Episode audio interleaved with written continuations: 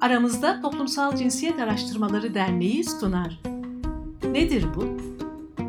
Kavram, durum ve olaylara feminist bir bakışla kısa girizgahlar. Nedir bu? Avrupa Birliği'nin maddi desteğiyle hazırlanmıştır. Merhaba, aramızda Toplumsal Cinsiyet Araştırmaları Derneği'nin hazırladığı Nedir bu podcast'inde e, bugünkü konumuz İstanbul Sözleşmesi. E, İstanbul Sözleşmesi'ne ilişkin sorularımızı Ceren Akçabay yanıtlayacak. E, Ceren Akçabay feminist bir hukukçu ve akademisyen. Merhaba Ceren. Merhaba. E, peki hemen konuya girelim o zaman. Nedir bu İstanbul Sözleşmesi? İstanbul Sözleşmesi aslında kısaca İstanbul Sözleşmesi olarak bilinen bir sözleşme. Sözleşmenin tam adı kadına yönelik şiddet ve ev içi şiddetin önlenmesi bunlarla mücadele dair Avrupa Konseyi Sözleşmesi. Ama sözleşme İstanbul'da e, İstanbul'da imzaya açıldığı için bu isimle, kısaca bu isimle anılıyor. E, ve kadına yönelik şiddet konusunda bağlayıcılığı, ya yani daha doğrusu kadına yönelik şiddetin önlenmesi konusunda bağlayıcılığa sahip ilk uluslararası sözleşme diyebiliriz. Peki İstanbul Sözleşmesi'nin kısaca tarihçesinden söz edebilir misin? Söz edeyim. Aslında e, cinsiyet eşitliği mücadelesiyle gündeme gelen e, düzenlemeler bunlar. İstanbul Sözleşmesi bunlardan ilki değil ama e, en son ve en önemli düzenleme olarak kabul edebiliriz. E, daha önceden feminist e, hareketin etkisiyle, özellikle ikinci kuşak e, feminist hareketin etkisiyle cinsiyet eşitliğinin sağlanmasında e, hukuk mücadelesi, hak mücadelesi çok öne çıkıyor. Ve bunlar uluslararası düzenlemeler olarak ele alınmaya başlanıyor. 1979 yılında ikinci kuşak feminist mücadelenin bir sonucu olarak da görebileceğimiz SİDAV yani Birleşmiş Milletler Kadına Karşı Her Tür Ayrımcılığın ortadan kaldırılması sözleşmesi ortaya çıkarılıyor ilk önce. Yine daha sonra Birleşmiş Milletler çerçevesinde hazırlanan bir ihtiyari ek e, protokol oluşuyor. Ama Avrupa Konseyi çerçevesinde baktığımızda e, özellikle 2002 yılına kadar kadına yönelik şiddet konusunun genelde böyle insan hakları boyutuyla e, ele alındığını, hatta aile içi şiddet e, anlamında ve ailedeki bireylerin güvenliğinin sağlanması anlamında e, tartışıldığını görüyoruz. 2002 yılına kadar. 2002 yılında e, konsey öncelikle bir e, tavsiye kararı veriyor. Bu e, kadına yönelik şiddetin önlenmesinin aslında e, devletler açısından bir pozitif yükümlülük olduğunu söyleyen bir karar bu. Ardından en önemli gelişme konsey çerçevesinde yine konseyin çok önemli sözleşmelerinden bir tanesi olan Avrupa İnsan Hakları Sözleşmesi'nin denetim mekanizması, e, mekanizması olan Avrupa İnsan Hakları Mahkemesi'ne e, giden bir başvuruyla aldığı bir karar. Bu karar aslında Türkiye'de çok yakından bilinen bir karar çünkü Türkiye'den giden bir karar. Opus kararından bahsediyorum. Mahkeme yani Avrupa İnsan Hakları Mahkemesi 2009 yılında e, Opus Türkiye kararında ayrımcılık yasağıyla e, ilişkilendiriyor. Kadına yönelik şiddeti sözleşmede aslında böyle bir düzenleme olmamasına rağmen ikinci maddesine yani e, yaşam hakkı e, pardon işkence yasağını düzenleyen üçüncü maddeyle birlikte yaşam hakkını düzenleyen ikinci maddeyi birlikte ele alıyor ve ayrımcılık üzerinden de bir ihlal e, sonucuna varıyor. Bu konsey içerisindeki tartışmaların artmasına ve aslında Avrupa çerçevesindeki kadın mücadelesinde e, konsey bu konuda bir düzenleme e, yapma konusundaki ısrarının e, aslında bir e, yavaş yavaş karşılık görmesine e, sebep oluyor. Ve 2011 yılında da önemli bir atım, adım atılıyor en sonunda. E, konsey içerisinde bu sözleşme yani İstanbul Sözleşmesi İstanbul'da e, imzaya açılıyor. E, Türkiye ilk imzacısı sözleşmenin. E, ama tabii sözleşme pek çok açıdan e, e, önem e, arz eden bir e, sözleşme. Dolayısıyla sadece Türkiye açısından değil, imzacı olan bütün ülkeler, konsey ülkeleri açısından e, önemli bir sözleşme. E, kadına yönelik her türlü şiddetin önlenmesini hedefliyor. Ama öncelikle korunmasını e, hedefliyor kadınların şiddetten. Ve e, bu şiddetin faillerinin kovuşturulmasını, bunların yargılanmasını gerektiği gibi ve cezalandırılmasını e, düzenliyor. Bunların hepsini çok titizlikle düzenleyen ayrıntılı bir sözleşme bu e, psikolojik şiddeti, ısrarla takibi, fiziksel şiddeti, tecavüzü, ne bileyim zorla evlendirmeyi, kadın sünnetini, kürtaja zorlamayı ve bunun gibi pek çok farklı şiddet e, türünü aslında içeren e, ve bütün bunlarla ilgili ve şiddetin önlenmesiyle ilgili yüksek standartlara ve detaylara sahip bir e, sözleşme bu sözleşme. Üstelik de sözleşmede bir denetim organı da var. E, bizim Grevio adını verdiğimiz bir organ bu e, aslında bir uzman eylem grubu e, olarak adlandırılabilir bu grup. e, ve taraf devletlerin yani sözleşmenin imzacısı olan devletlerin sözleşmenin getirdiği standartlara uygun olup olmadığını denetliyor bu uzman e, kurulu ve raporlama usulüyle e, bunu yapıyor. E, 2017 yılından beri bu raporlama usulü e, işliyor. Türkiye'de ilk e, raporlama sürecinden geçti. Ve tabii şunu da söylememiz lazım. O dönemde e, Türkiye'nin e, adayı olan uzmanlar komitesindeki Türkiye'li uzman olan Feride Acar'ın başkanlığında çalışan bir e, komiteydi. E, o dönemde şimdi Feride Hanım e, yerine başka bir Türkiye adayıyla e, Aşkın Hasan'la devam ediyor. E, artık başkanlık yapmıyor Aşkın Hasan. E, çok teşekkürler Ceren. Peki e, Türkiye'deki uygulanması sürecine, yani Türkiye'deki tarihçesine bakarsak İstanbul Sözleşmesi'nin hem toplumsal cinsiyet eşitliği açısından işte hem de feminist hareket açısından önemi ne oldu diyebiliriz? Şimdi sözleşmenin bir kere kendi e, düzenlemeleri açısından e, öneminden söz etmek lazım öncelikle. Dediğim gibi şiddeti her anlamıyla, kadına yönelik şiddeti tabii her anlamıyla düzenleyen bir e, sözleşme. Bunun önlenmesi için, kadınların bundan korunması için, faillerin e, kovuşturulması ve yargılanması için e, bütün politikalar e, üretilmesini istiyor ve bu anlamda çok ayrıntılı düzenlemeler içeriyor. Biraz önce söylediğim gibi. Ama bunların içeriğine baktığımızda daha ayrıntılı incelediğimizde sözleşmeyi öncelikle sözleşmenin bu kadar önemli olmasının sebebinin kadınlara yönelik şiddeti bir insan hakları ihlali olarak tespit etmesi ve bir ayrımcılık türü olarak kabul etmesi olduğunu söyleyebiliriz. En en önemli e, taraflarından bir tanesi sözleşmenin ilk kez bir uluslararası sözleşme olarak e, toplumsal cinsiyetle ilgili bir tanım e, getiriliyor bu sözleşmede. Burada kadın ve erkeği yalnızca böyle biyolojik olarak e, dişi ve erkek şeklinde kabul eden bir anlayış değil, kadına ve erkeğe toplum tarafından e, yüklenmiş rolleri, davranış biçimlerini de gören, toplum tarafından oluşturulmuş kategorileri ve bunların sonuçlarını da e, anlayan, bunlar çerçevesinde aslında kadına yönelik e, şiddete çözüm e, getirmeye çalışan bir sözleşme. Dolayısıyla mesela kadın biyolojik anlamda bir kategoriye denk gelmiyor sözleşme çerçevesinde bakıldığında. Örneğin 18 yaşından küçük kız çocukları da sözleşme çerçevesinde kadın olarak ele alınıyor. Ee, yine mesela yaş, ırk, din, sosyal köken, göçmenlik statüsü, hatta e, işte çok tartışılan bir boyutu da cinsel eğilimi ne olursa olsun bütün kadınları e, ve kız çocukları dolayısıyla kapsıyor. Yani bunların hepsine o koruma şemsiyesinin içerisine alan bir sözleşme. Üstelik de toplumsal cinsiyetin yanı sıra ev içi şiddeti de e, düzenliyor. Buna ilişkin de bir e, tanım getiriyor. Ve diyor ki e, ev içi şiddet eylemi gerçekleştiren yani şiddet eylemini gerçekleştiren her kimse ve mağdurla ilişkisi ne olursa olsun aynı ikametgah paylaşsın ya da paylaşmasın. Daha önceki eşler olabilir, birlikte yaşayan, daha önceden birlikte yaşayan bireyler olabilir. Bunlar arasında meydana gelen fiziksel, cinsel, psikolojik, ekonomik bütün şiddet türlerini e, şiddet eylemi olarak görüyor. Her ne kadar tabii İstanbul e, Sözleşmesi resmi e, olarak Türkçe'ye tercüme edilirken ev içi şiddet ifadesi kullanılmamış durumda. Bilinçli bir şekilde aile şiddet olarak tercüme edilmiş bir halde. Buradan yola çıkarak aslında Türkiye'deki önemine de değinmek mümkün bana kalırsa. Niye böyle bir şey yapıldı? Niye resmi tercümede ev içi şiddet gibi Türkçe literatürde zaten kullanılmakta olan bir kavram varken bunun yerine aile içi şiddet gibi çoktan bu tartışmalar bakımından özellikle konsey çerçevesinde e, 2002 yılından beri aşılmış bir kavrama geri döndü e, Türkiye ya da bakanlık böyle bir tercümeyi tercih etti diye e, düşünürsek. Çünkü evet e, Türkiye'de de e, önemli adımlar atılmıştı ve sözleşmeden sonra da atıldı. Örneğin daha önceden de ailenin korunması ile ilgili bir düzenleme vardı e, ve bu çerçevede aslında aile içi şiddetle ilgili bir takım yine düzenlemeler ve koruyucu önlemler söz konusu olabiliyordu. Ancak sözleşmenin ardından sözleşmenin uygulama yasası olarak ele alabileceğimiz bir ulusal düzenleme gündeme geldi. 6284 sayılı düzenleme. Bu normalde birebir uluslararası sözleşmenin yansıması olarak hazırlanabilecek bir yasaydı. Ve Türkiye'deki kadın hareketinin, feminist hareketin ve LGBTİ hareketinde beklentisi bu yöndeydi. Çabaları da, çalışmaları da bu yöndeydi. Ancak o yasada ailenin korunması ve kadına yönelik şiddetin önlenmesi yasası olarak çıktı.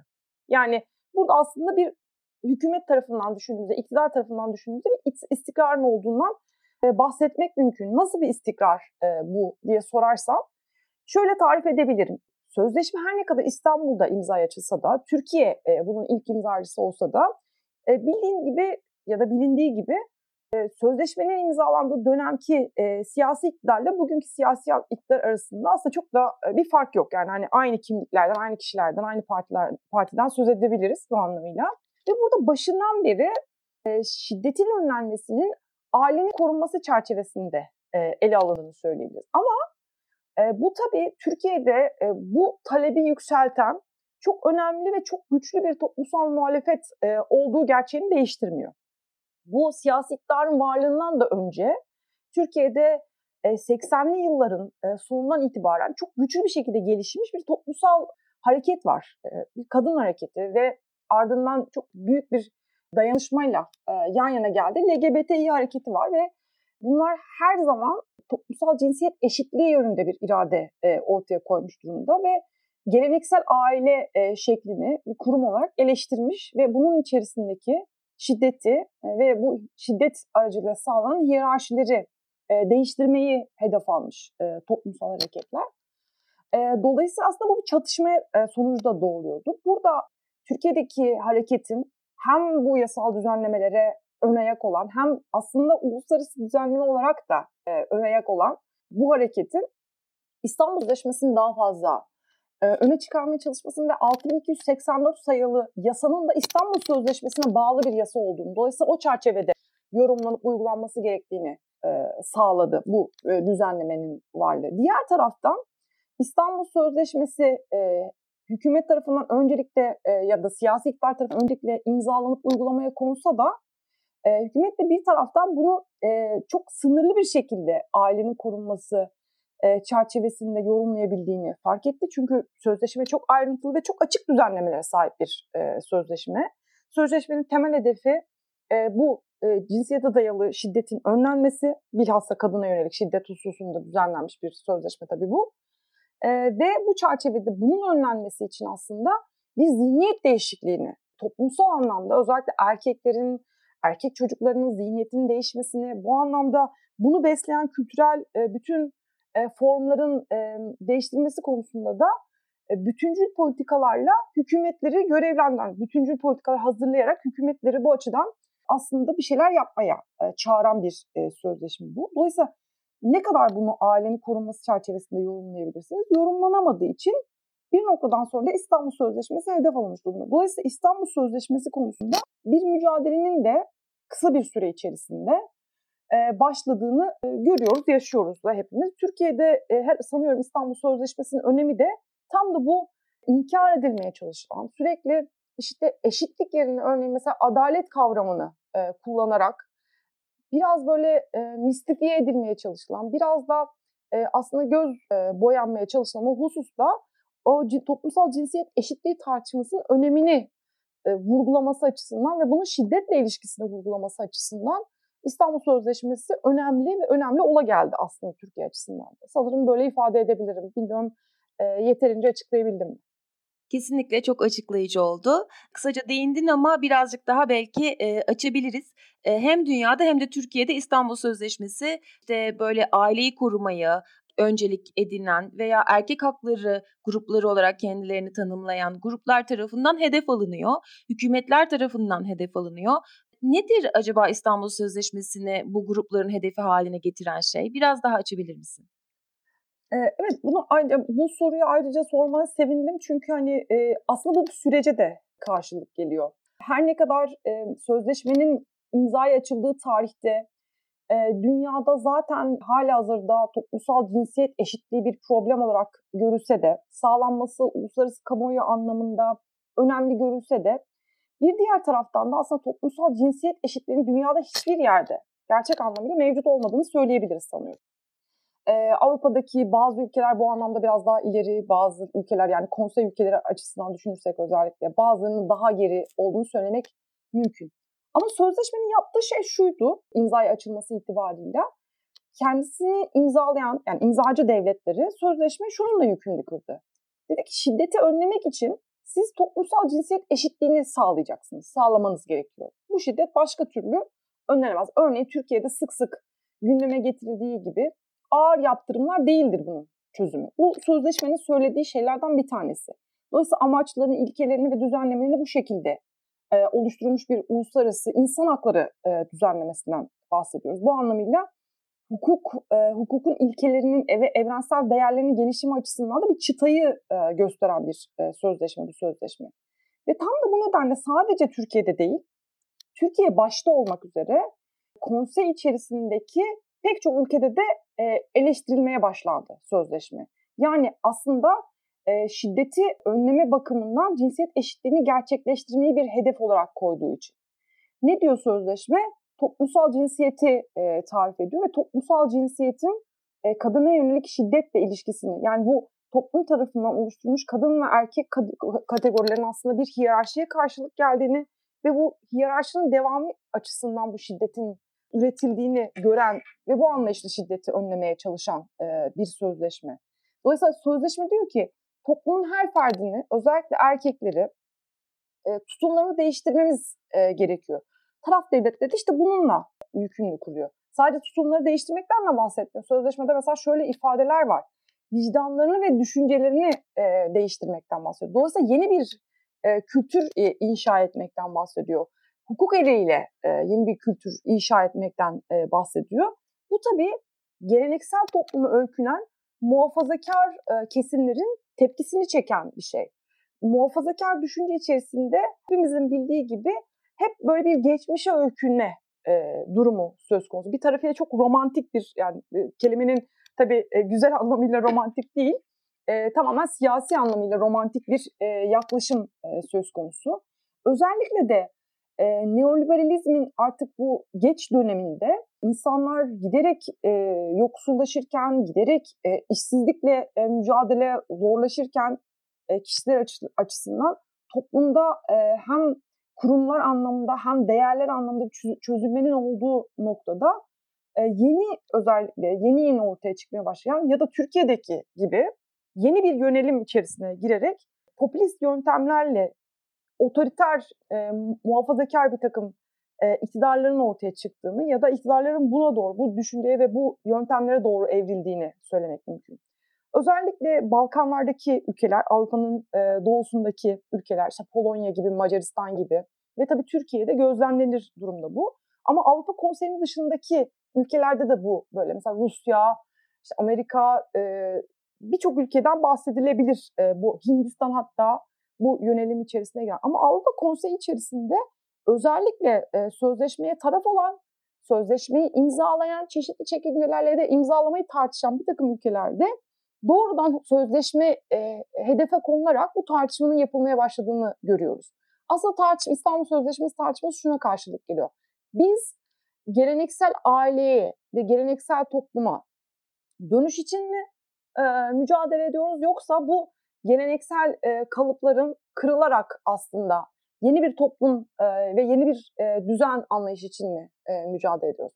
Popülist muhafazakar e, iktidarlar e, giderek otor, otoriterleşen e, şekilde üstelik de geleneksel aileyi e, övüyorlar ve geleneksel roller içerisinde insanların aslında daha mutlu olacağına, insanların bu rollerden çıkmaya çalıştıkça toplumun e, kurumlarının ve toplumun değerlerinin çözüldüğünü söylüyorlar. Tabii bu esas olan şeyden e, insanların dikkatini başka bir yöne e, çevirmeye çalışan da bir politik olarak düşünebiliriz bunu. Çünkü esas olan şey neoliberalizm, esas olan şey e, ciddi bir ekonomik yıkım, e, esas olan şey çok ciddi bir ekonomik kriz, e, mültecilerle birlikte e, daha da yakıcı hale gelen e, bir insani kriz, bir sosyal kriz. Ama bunların yerine e, işte mültecileri, kamusal alana çıkmaya çalışan kadınları, LGBTİ bireyleri, bu liberal toplumun aslında öteden beri onlara vaat ettiği hakların peşine düşen e, ve vatandaşlık statüsü içerisinde bunu hak ettiğini, bunu elde etmesi gerektiğini bilen, bu çerçevede toplumsal mücadelenin içerisine giren e, insanları düşmanlaştırmak ve onları radikalize ederek bu geleneksel e, toplumun aslında güzel günlerine dönerek işte her şeyin tekrar eski yoluna gireceğini söylemek. Ama bir taraftan baktığınızda neoliberalizm açısından bunun gerçekten takım faydaları da var. Ekonomik faydaları var. Mesela e, kadınların piyasadan çekilmesi gibi yahut da e, işte neoliberal toplumda artık mevcut olmayan sosyal hakların ev içi o görünmeyen emek e, çerçevesinde kadınlar tarafından yeni baştan sırtlanılması gibi değil mi? Yaşlı bakımı, çocuk bakımı, engellerin bakımı bunların herhangi bir şekilde sosyal hak, sosyal hizmet talep etmemesi gibi. Dolayısıyla aslında bu politik bir yaklaşıma karşılık geliyor ve sözleşme de burada taraf devletler bakımından imzacısı oldukları için ve yükümlülükleri aslında bu doğrultuda olduğu için imzacı oldukları sürece e, önemli bir e, nasıl diyeyim e, önemli bir e, sarkaca dönüşmüş e, durumda. Yani sözleşmeye ilişkin siyasi iktidarların düşüncesi aslında onların yönelimlerini ve toplumsal ve ekonomik krizlere ilişkin olarak ürettikleri çareleri çok açık bir şekilde e, gösteriyor bana kalırsa. Çok teşekkürler Ceren. E, son olarak senden e, İstanbul Sözleşmesi'ni cümle içinde kullanmanı e, rica edeceğiz. Bu oldukça kolay olacak benim için. Ee, İstanbul Sözleşmesi'nin içinde kullanıldığı en güzel ve en önemli cümle şu galiba. İstanbul Sözleşmesi yaşadır. Çok teşekkür ediyoruz Ceren Akçabay'a. Gerçekten çok aydınlatıcı. Böyle İstanbul Sözleşmesi'nin tüm boyutlarını, tartışmanın tüm boyutlarını kapsayan bir söyleşi oldu. Bize vakit ayırdığın için çok teşekkür ediyoruz. Ben teşekkür ediyorum. Çok harika bir program. Ben de ilgili devam edeceğim izlemeye. Hoşçakalın. Teşekkürler. Nedir bu? Avrupa Birliği'nin maddi desteğiyle hazırlanmıştır. İçerik tamamıyla Aramızda Toplumsal Cinsiyet Araştırmaları Derneği'nin sorumluluğu altındadır ve Avrupa Birliği'nin görüşlerini yansıtmak zorunda değildir.